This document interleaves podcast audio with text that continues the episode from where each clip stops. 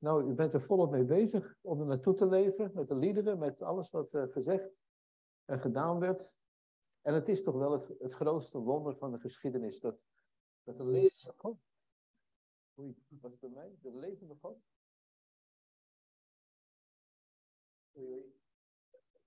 die naar ons mensen kijkt, dat hij zijn, nee, gaat er niet geloof ik, hè? Of is er, moet een andere micro zijn? Dat, uh, ik vind het wel gemakkelijk, een waarmee ik wat kan rondlopen, maar het geluid, hè? Amai. Ondertussen toch maar even vertellen dat een bijzonder wonder is dat God, de levende God die ons alle gemaakt heeft, die deze schepping ook gemaakt heeft, dat hij zijn zoon heeft gestuurd, zijn eigen zoon, om te sterven om onze zonde, om ons verzoening te brengen, om ons te redden. Is het niet geweldig? Daarvoor mag je enthousiast zijn. En ik hoor, ik zie dat er nog een andere micro komt waarschijnlijk.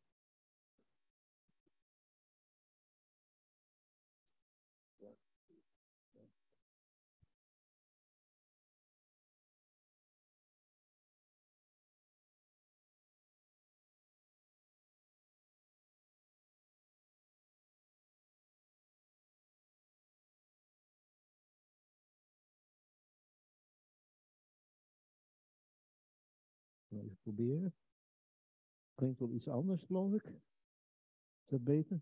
Oh, gelukkig.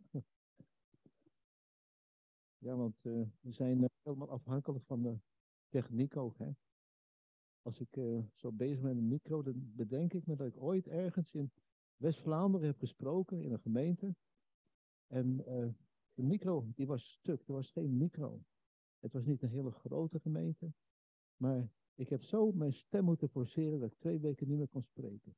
Dus ik ben heel dankbaar voor de micro. Dus ik ben geboren voor mijn micro, denk ik. Maar even terug naar mijn verhaal. Dus het is geweldig dat we kerst mogen gaan vieren. En uh, daar kan je niet genoeg van krijgen. Maar ik wil vanmorgen toch een andere nadruk leggen. Het is al gezegd, wij zien uit naar kerst. Wij zien uit naar het het geschenk van God dat ons gegeven is. En dat gaan we gedenken. Maar we zien ook uit naar Jezus die terugkomt. Jezus komt terug. En Erwin heeft ook al gezegd, wij zien ergens naar uit, maar hoe is het met Jezus? De Jezus zit in de hemel, hij wacht. Hij wacht tot het moment dat hij gaat komen. U weet, ik kan er niet uh, nu echt op ingaan, maar ik noem het even. En het uh, komt wel op de PowerPoint. En ik zal er vast even vertellen dat ik heb al een paar kopies van deze de plaatjes die u gaat zien. Dus er staan ook wat teksten op. Dus u mag het meenemen straks. Dan kunt u ook thuis kijken naar de teksten en de teksten lezen. Maar Jezus zal terugkomen. Er is al iets gezegd over oorlog en vrede. En hier zijn mensen van Oekraïne. Ik heb grote bewondering voor de mensen van Oekraïne. Hoe ze daar vechten voor, strijden voor hun eigen volk.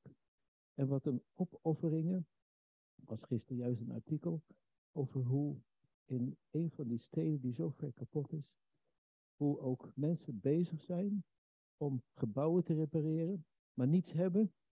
En er stond een foto in de, de krant die ik zag van uh, een jongeman of enkele jonge mensen, die waren zich aan het wassen buiten een gat in het ijs, in het water. En wij, wij zullen afklagen als de energie zo druk wordt dat we maar kort moeten douchen. Snap je? Vind ik geweldig. Indrukwekkend. Maar het perspectief is dat Jezus zal terugkomen. Dat hij vredevorst zal zijn. Hij zal eerst komen dat is het andere wonderlijke gebeurtenis. Ja, daar kan ik nu echt niks over vertellen, maar als je de sheets meeneemt, kopie meeneemt, in 1 en 4, dan zie je over Jezus die terugkeert om zijn gemeente, dat zijn wij, op te halen, om naar hem toe te gaan. En daarna zal Jezus, in Zacharia kan je dat lezen, zal hij terugkomen en zijn voeten zetten op de olijfberg.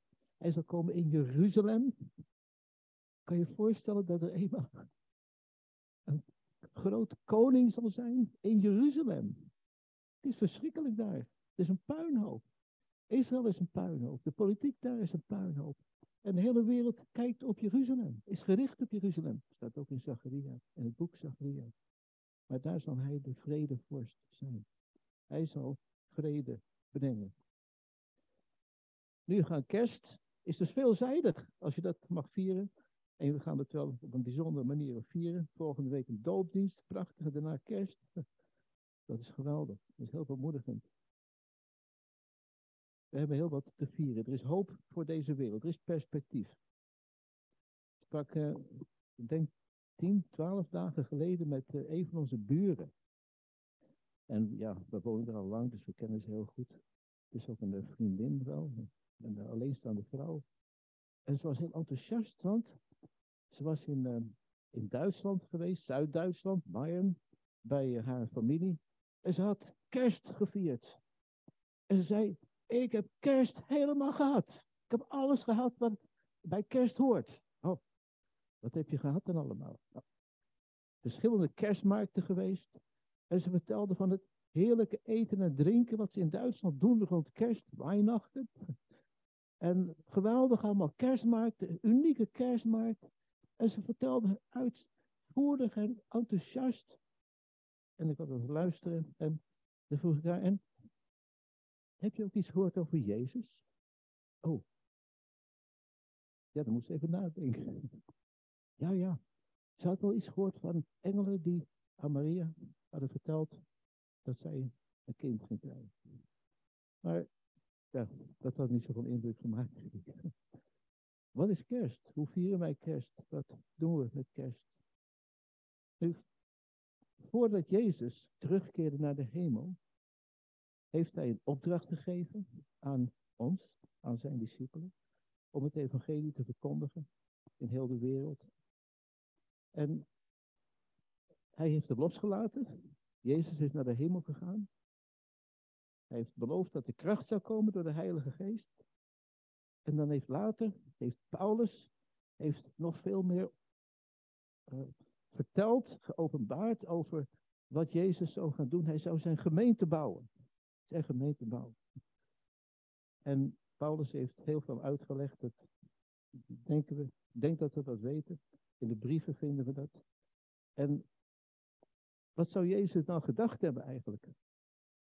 Zou hij op dat moment een idee hebben? Ja, hij was God, dus hij had wel een overzicht. Maar wat zou er gebeuren?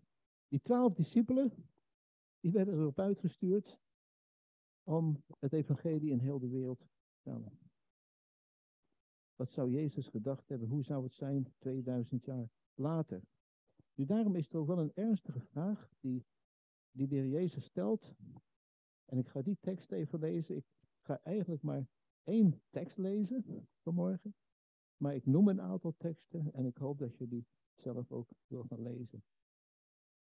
Als Jezus uh, zo met zijn discipelen bezig is en ook met zijn tegenstanders, de Joden, de Farizeeën, schriftgeleerden, zijn tegenstanders in Israël, dan uh, gebeurt er heel wat, er wordt heel wat gezegd. En dan komt hij met een vraag. In Lucas 18, vers 8. Daar staat, dit is in het context, in het kader van, van wat er gaat komen, het koninkrijk dat gaat komen. Lucas 17 kun je dat lezen, in zijn gesprekken met uh, meerdere mensen. En dan komt er een gelijkenis over die vrouw die haar recht zoekt. En dan Lucas 18, vers 8, daar staat, ik zeg u dat hij hun met spoed recht zal doen. Dat is de gelijkenis van de vrouw die haar recht niet krijgt. En God moet voor haar recht zorgen. Hij zal het ook doen.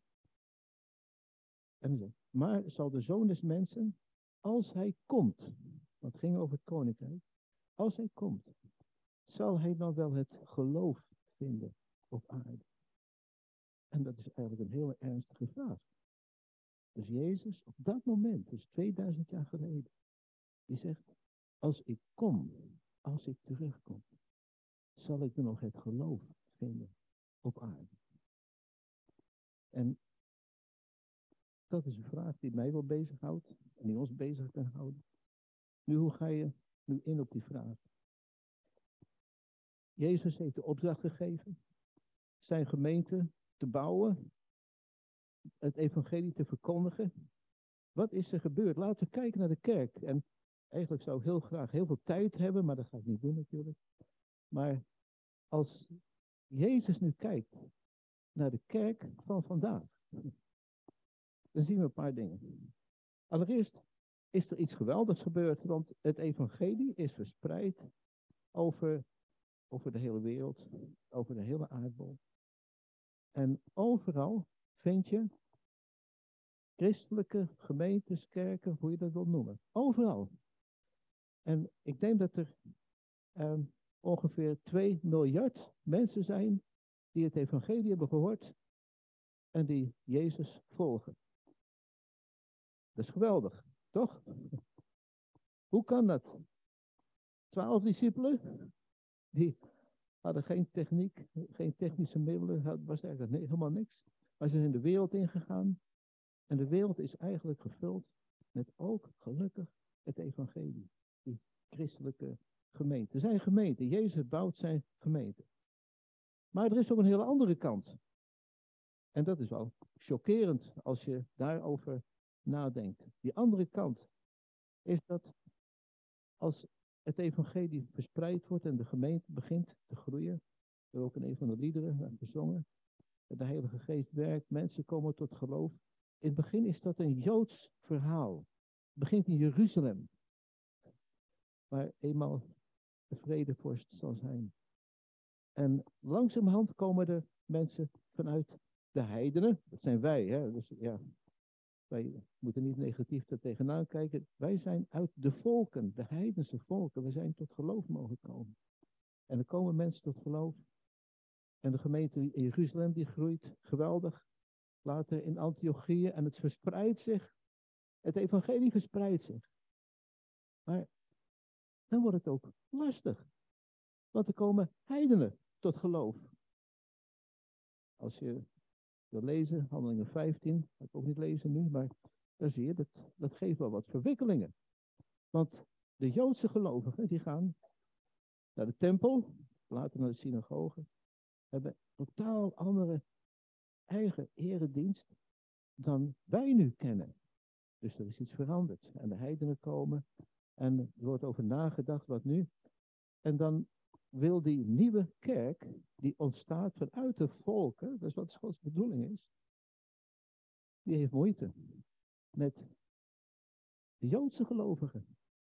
En dan komt de gedachte van, ja, de Joodse gelovigen, of de Joden, die hebben Jezus gekruisigd. Die hebben hem vermoord. Is dat niet verschrikkelijk? Het moest toch gebeuren. Maar er komt een spanning, er komt een strijd in de jonge kerk. En al in de eerste eeuw, aan het eind van de eerste eeuw en in de tweede eeuw, dan zien we wat er gebeurt. Dan komen er nieuwe leiders uit de heidenen. En die zeggen, ja, de Joden, die hebben geen plaats meer. Die, die horen hier niet meer thuis. Want Jezus is zijn gemeente aan het bouwen. Het Joodse volk heeft de Messias verworpen. Dus en dan is er een, eh, een theologie gekomen, een verschrikkelijke theologie, die tot op de dag vandaag uh, een grote rol speelt. Nog steeds. Het wordt minder, maar toch. En die theologie, die leer zegt, nu is de gemeente gekomen. Israël is weg. Wij zijn het nieuwe Israël. En dat blijkt een verschrikkelijke leer te zijn. En de kerkvaders, die geweldige denkers waren, die hebben dat ook meegebracht en mee onderbouwd. Wat is er gebeurd met die, die christelijke kerk, de gemeente? Als je bedenkt wat Gods einddoel is, Gods plan, is dat er eenmaal zijn koninkrijk zal zijn. Zijn koninkrijk moet gebouwd worden. Maar het wordt gebouwd op Jeruzalem en op zijn eigen volk. Het Joodse volk. En er is uit de kerk, vooral uit de christelijke kerk, is ontstaan het antisemitisme. Wat eeuwenlang een grote rol heeft gespeeld in heel de mensengeschiedenis. Je weet, denk allemaal dat als er een grote ramp gebeurt ergens, wie krijgen de schuld? De Joden. Ook nu, zelfs nu, met die oorlog in Oekraïne en met de enorme wereldverandering, de Joden krijgen de schuld. Dat is er geweest. De Tweede Wereldoorlog, dat vergeten we niet, kunnen we niet vergeten met de Holocaust en die miljoenen Joden die om het leven zijn gebracht. En er zijn allerlei oorzaken dat die Jodenhaat er is. Die begint al in de Bijbel in Deuteronomie 28. Daar zie je dat het volk maakt zelf verkeerde keuzes. Maar als je bedenkt wat de consequenties zijn, Gods einddoel, dat is dat hij klaarkomt met het Joodse volk, dat hun Messias terugkrijgt. Die Messias moet terugkomen. Een heel gevoelig uh, punt, ook onder de christenen. Ik hoorde van een interessant gesprek van iemand die met het Oude Testament bezig is, um, met de Messias beleidende Joden, in gesprek met een, uh, met een christen. En er werd verteld over de waarde van, van het Oude Testament en dat het allemaal betekenis over ons heeft. En degene aan wie verteld werd, een uh, christen, die zei op een gegeven moment, ik wil eigenlijk niks met het Oude Testament te maken hebben. Over al die wetten, over de Joden, heel de geschiedenis van, ik wil het niet meer horen. Oké. Maar dan is het antwoord, ja, wie was Jezus eigenlijk? Ook als wij, voor ons, als wij naar kerst toe leven. Wie was Jezus? Misschien een beetje ontnuchterend, maar Jezus was geen christen. Jezus was geen christen. Hij was een Joodse rabbi. Die leefde volgens de Torah. Volgens alles wat het Oude Testament zegt. Hij ging naar de synagoge. Hij las uit de Torah. Hij vertelde uit de Torah. Ja. Onze Jezus. Aan wie wij denken met kerst. Dat is niet een eh, geweldige man met eh, blonde haren en blauwe ogen. Eh, net zoals wij, nou, min of meer. Toevallig hier in onze cultuur, want het zijn hele andere culturen. En we hebben allemaal onze voorstelling van, van Jezus de Messias. Maar hij was een Joodse rabbi. Hij was geen christen. Hij was de, de grondlegger van het evangelie. En daar is uit de christelijke kerk uit ontstaan. Nou, nog een stapje verder tegen die mevrouw die zo vermoeid heeft met het Oude Testament.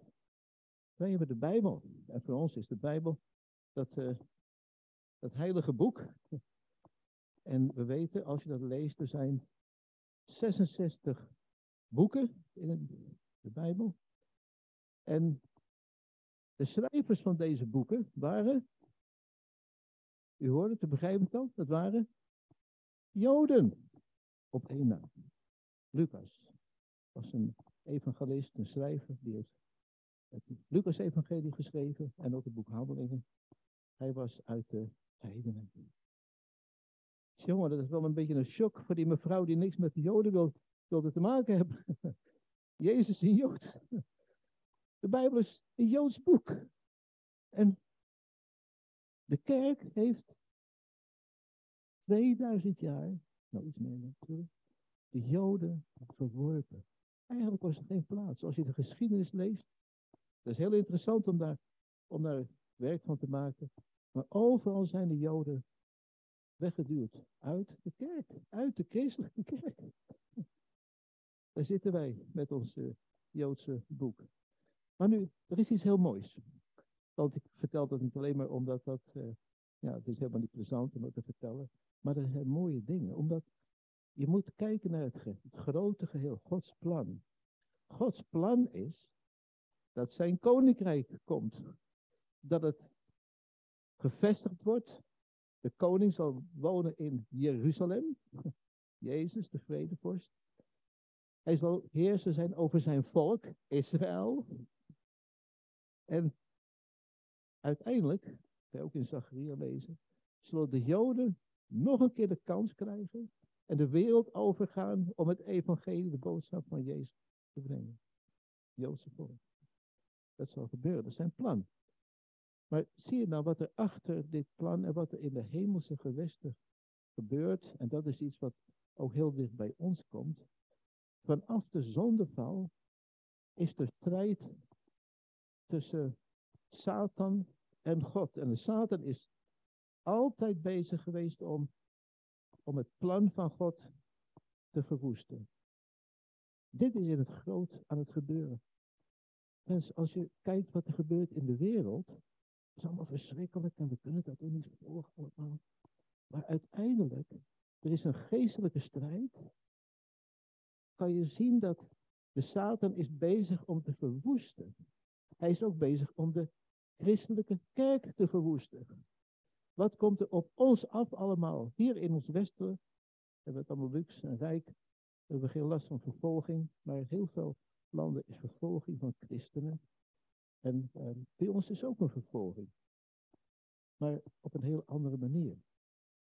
Maar er is een strijd tussen Satan en God om zijn plan te verijdelen, te verwoesten. Maar wonderlijk, in 1948 werd Israël terug een land. Want God heeft gemaakt dat het verspreid was over de hele wereld, onder alle volken. Hij heeft terug een land gegeven. En sinds die tijd is er alleen maar strijd, alleen maar grote strijd tussen wereldmachten over dat volkje, dat kleine stukje land in Israël, wat nu Israël is. Maar ook in de christelijke kerk is iets aan het gebeuren. Die verschrikkelijke leer, want die christelijke leer was een bron van antisemitisme. Dat betekent van het verwoesten van Gods volk, van Gods plan. En in die christelijke kerk is God ook aan het werk. Er zijn dingen aan het veranderen.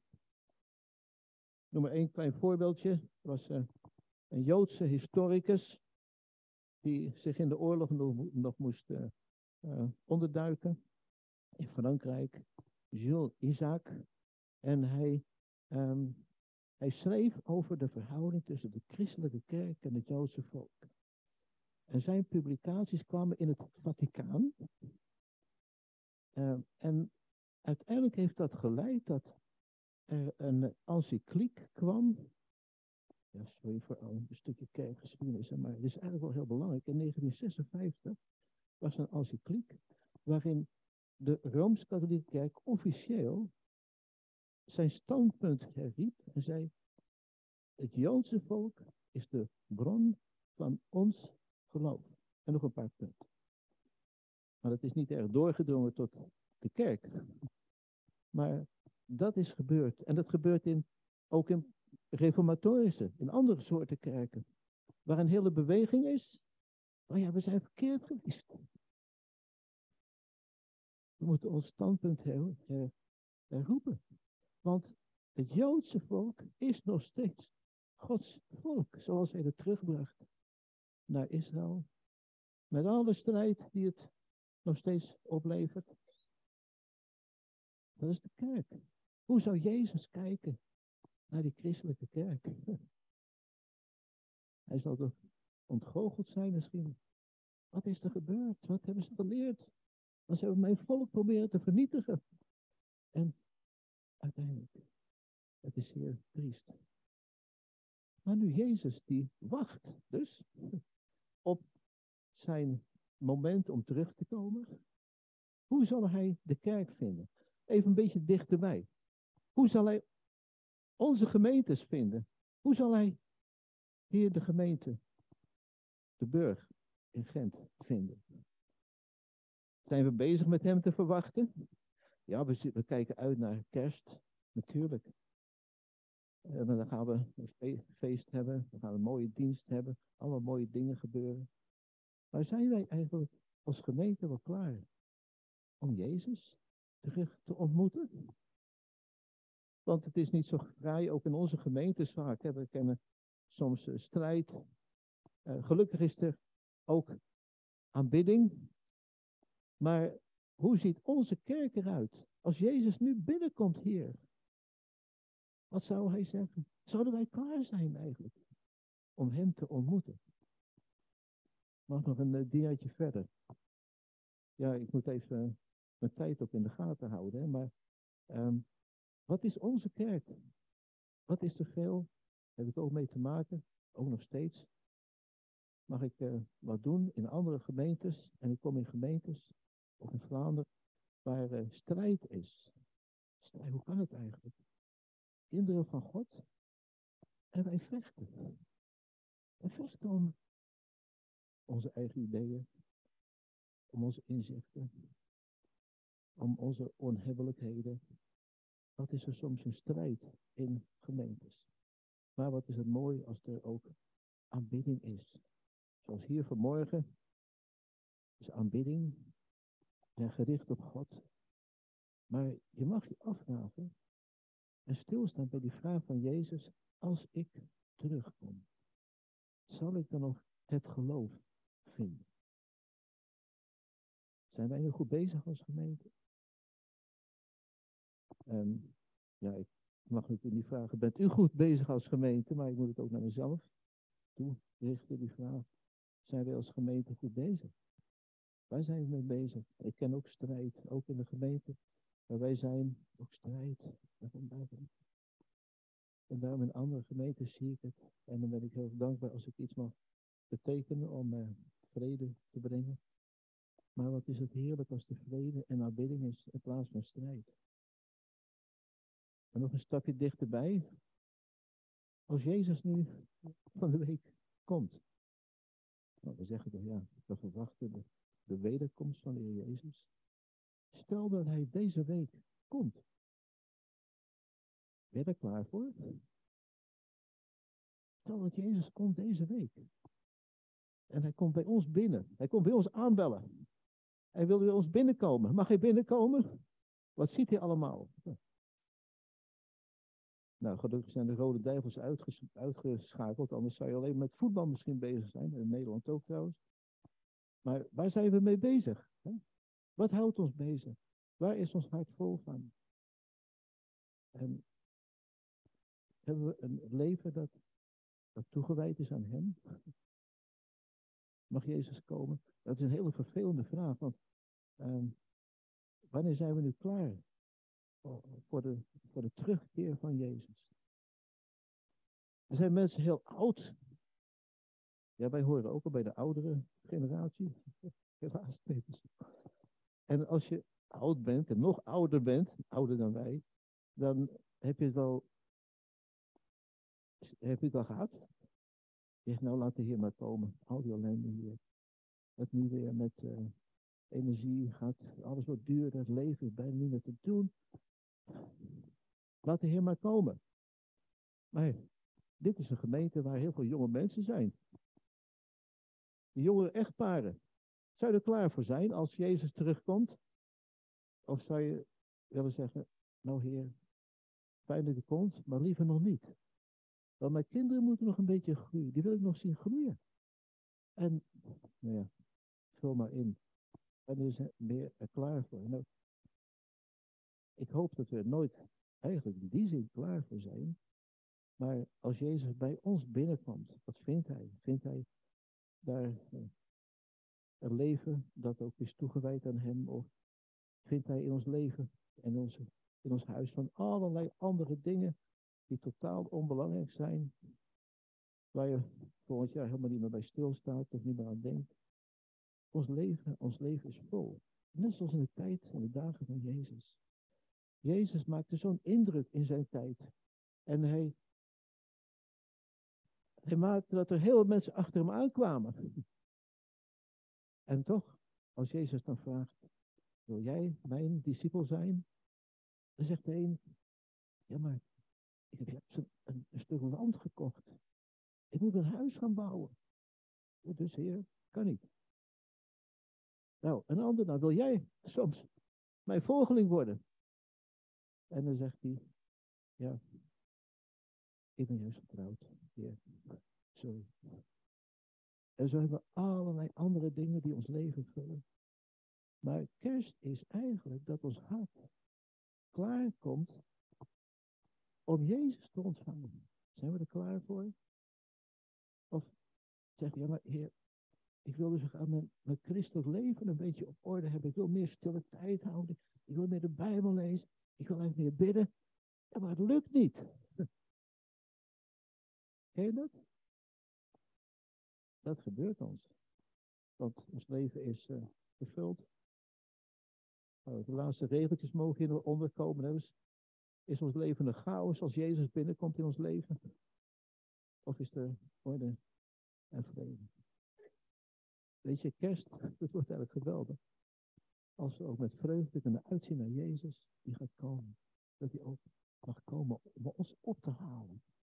Dat we er klaar voor zijn. Het is wonderlijk wat ons te wachten staat. Dat is ons perspectief. Dat is geweldig. Dus ik ga eindigen met, die, met nog een keer die vraag van Jezus. Als ik terugkom, zal ik dan nog het geloof vinden. Misschien iets over de aanvallen die wij hebben. Uh, wij hebben geen last van vervolging hè, in het Westen. Geen last van. We weten niet wat het is. Als je de verhalen van vervolgde christenen leest, dan denk je, ik snap er niks van. Wij hebben het niet. Maar toch is de Satan bezig om ons aan te vallen op de kern van ons geloof. Als Jezus zegt, zal ik dan nog het geloof vinden? Er zijn zoveel mensen die gaan alles vinden op internet. Die gaan zoveel vinden. Je kan hele dagen preken beluisteren. Allerlei nieuwe dingen kan je ontdekken. Maar is dat het geloof wat Jezus bedoelde? Wij worden aangevallen op, op de fundamenten van ons geloof. Paulus zegt het ergens in de Korinthebrief. Hij zegt, er komt een tijd dat je afvraagt, is dat een andere Jezus die wordt verkondigd? Of is dat een andere geest? Of een ander evangelie? Er is ongelooflijk veel misleiding in onze moderne maatschappij. Dat is de aanval. De aanval op ons christelijk geloof. Hou je nog vast aan die, aan die simpele fundamenten. Geloof je nog dat Jezus jouw gebed verhoort? Dat Jezus jou ziet? Geloof je nog dat dat woord waar is? Ik hoor regelmatig mensen die lezen, zeggen lezers. Ik sprak met iemand die zei, ja, ik ben geen lezer. Maar ik luister de hele dag preken. Ja? Het is een gevaar, een risico. Want die Bijbel, dat is het boek waardoor God spreekt. Laten wij een geweldig kerstfeest vieren en ervaren dat de Heer Jezus de levende Heer is en die tot ons spreekt, die zijn woord laat openmaakt, zodat we gaan begrijpen wat Hij allemaal te zeggen heeft. Ik zou jullie willen toebidden en wensen om een geweldige kerst met een ontmoeting met Jezus, die ons klaarmaakt om dat grote moment, als Hij komt, om Hem dan te, te ontmoeten. Amen. Laten we moment bidden. Heere God, ik wil u danken dat u de levende Heer bent. Heer, en ondanks alles wat er is gebeurd in ons persoonlijk leven, wat er gebeurd is in de geschiedenis, Heer, u bent getrouw en Heer, u bent uw grote plan aan het uitvoeren. Heer, dank u dat we, als we aan kerst denken, dat we mogen uitzien, Heer Jezus, u gaat terugkeren. Je maakt dat we alles wat chaos is in ons leven, wat, wat rommel is in ons leven, wat niet goed is, dat we dat kunnen beleiden. En dat we klaar zijn, Heer, voor uw komst. In de naam van Jezus. Amen. Emmanuel shall come to thee, O Israel. Wil je naar aanleiding van deze preek napraten of heb je verdere vragen? Neem dan gerust contact op. Dat kan via veg.deburg gmail.com of kijk op onze Facebookpagina VEG De Burg.